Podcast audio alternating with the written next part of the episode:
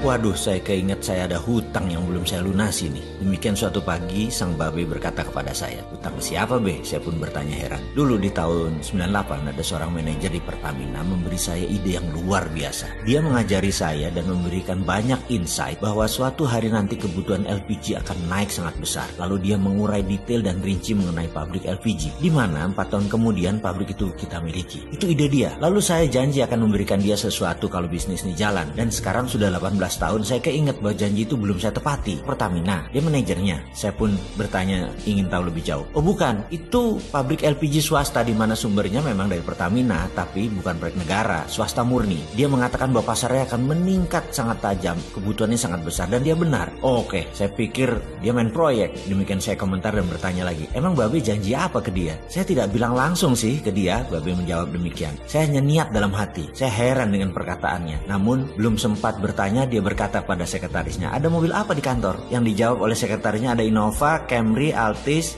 dan kebetulan memang di tahun itu kami baru membeli banyak mobil baru untuk mobil kantor. Kasih sayang Altis deh, semua surat lengkap dan mobilnya. Lalu carikan alamat bapak ini. Dia menyebutkan sebuah nama dan kartu nama yang sudah usang. Dengan sigap sang sekretaris mencari dan dalam waktu 30 menit alamat sang manajer yang ternyata manajer tersebut sudah pensiun 10 tahun yang lalu ditemukan. Dia tinggal di sekitar Depok. Si Babe pun memutuskan berangkat dengan supirnya ke lokasi tersebut. Dia komentar singkat, saya harus tunaikan janji saya. Saya jalan dulu ya. Dia pun berangkat dengan riang. Siang, dia sudah kembali ke kantor di bilangan ke bayaran baru yang tua tapi asri itu dengan wajah sumringah. Senang dia. Lalu dia berkata, puas saya. Lalu dia komentar lagi, sayang beliau tidak ada di rumah jadi saya berikan ke istrinya. Sore, seperti biasa kami berkumpul di taman belakang. Dia ingin ngopi ditemani saya. Kesempatan ini pun saya manfaatkan untuk saya bertanya padanya. B, maaf nih ya, itu hadiah nggak kegedean? Begini, katanya berfilosofi. Nggak ada kenikmatan dari kehidupan ini selain memberi. Memberi itu nikmat sekali. Kalau dibilang kegedean, saya nggak tahu. Yang penting saya ikhlas. Bener deh, lebih nikmat nikmat memberi daripada menerima. Selagi kami berbincang, sekretaris datang memotong pembicaraan kami dan mengatakan sang manajer tadi ternyata datang. Si Babe dengan wajah senang berkata, bawa sini deh ke belakang ngopi santai. Sang manajer akhirnya datang ke taman di belakang, namun wajahnya agak sedikit tegang. Wajah ceria Babe jadi agak menurun cerianya dan berkata, apa kabar? Sudah 18 tahun gak ketemu, bagaimana kabarnya? Lalu keduanya saling berjabat tangan. Tanpa jeda lama, sang manajer berkata, maaf nih pak, saya gak bisa terima pemberian bapak ini. Ini bukan bukan hak saya. Ini surat-surat dan kuncinya dan mobilnya saya kembalikan pak. Sang babe dengan muka menegang berkata, loh nggak bisa pak, ini hak anda, terima saja. Saya sudah janji kalau proyek ini berjalan saya akan kasih hadiah buat bapak. Loh pak, bapak tidak pernah berjanji apa pun dengan saya. Proyek yang mana maksud bapak? Si babe berkata, LPG di Sumatera. Lah saya kan nggak ikut-ikutan, kita cuma ngobrol biasa. Saya nggak bisa terima nih hadiah bapak. Bener saya nggak bisa terima. Nanti saya dibilang korupsi pak. Demikian sang manajer berusaha berargumen. Bapak kan nggak jabat, kata babe melanjutkan melanjutkan perkataannya. Ini pertemanan karena Anda telah memberikan saya pelajaran dan peluang bisnis yang luar biasa bagus. Terima aja nih mobil. Sang manajer pun berkata, nggak bisa pak, itu bukan hak saya. Babil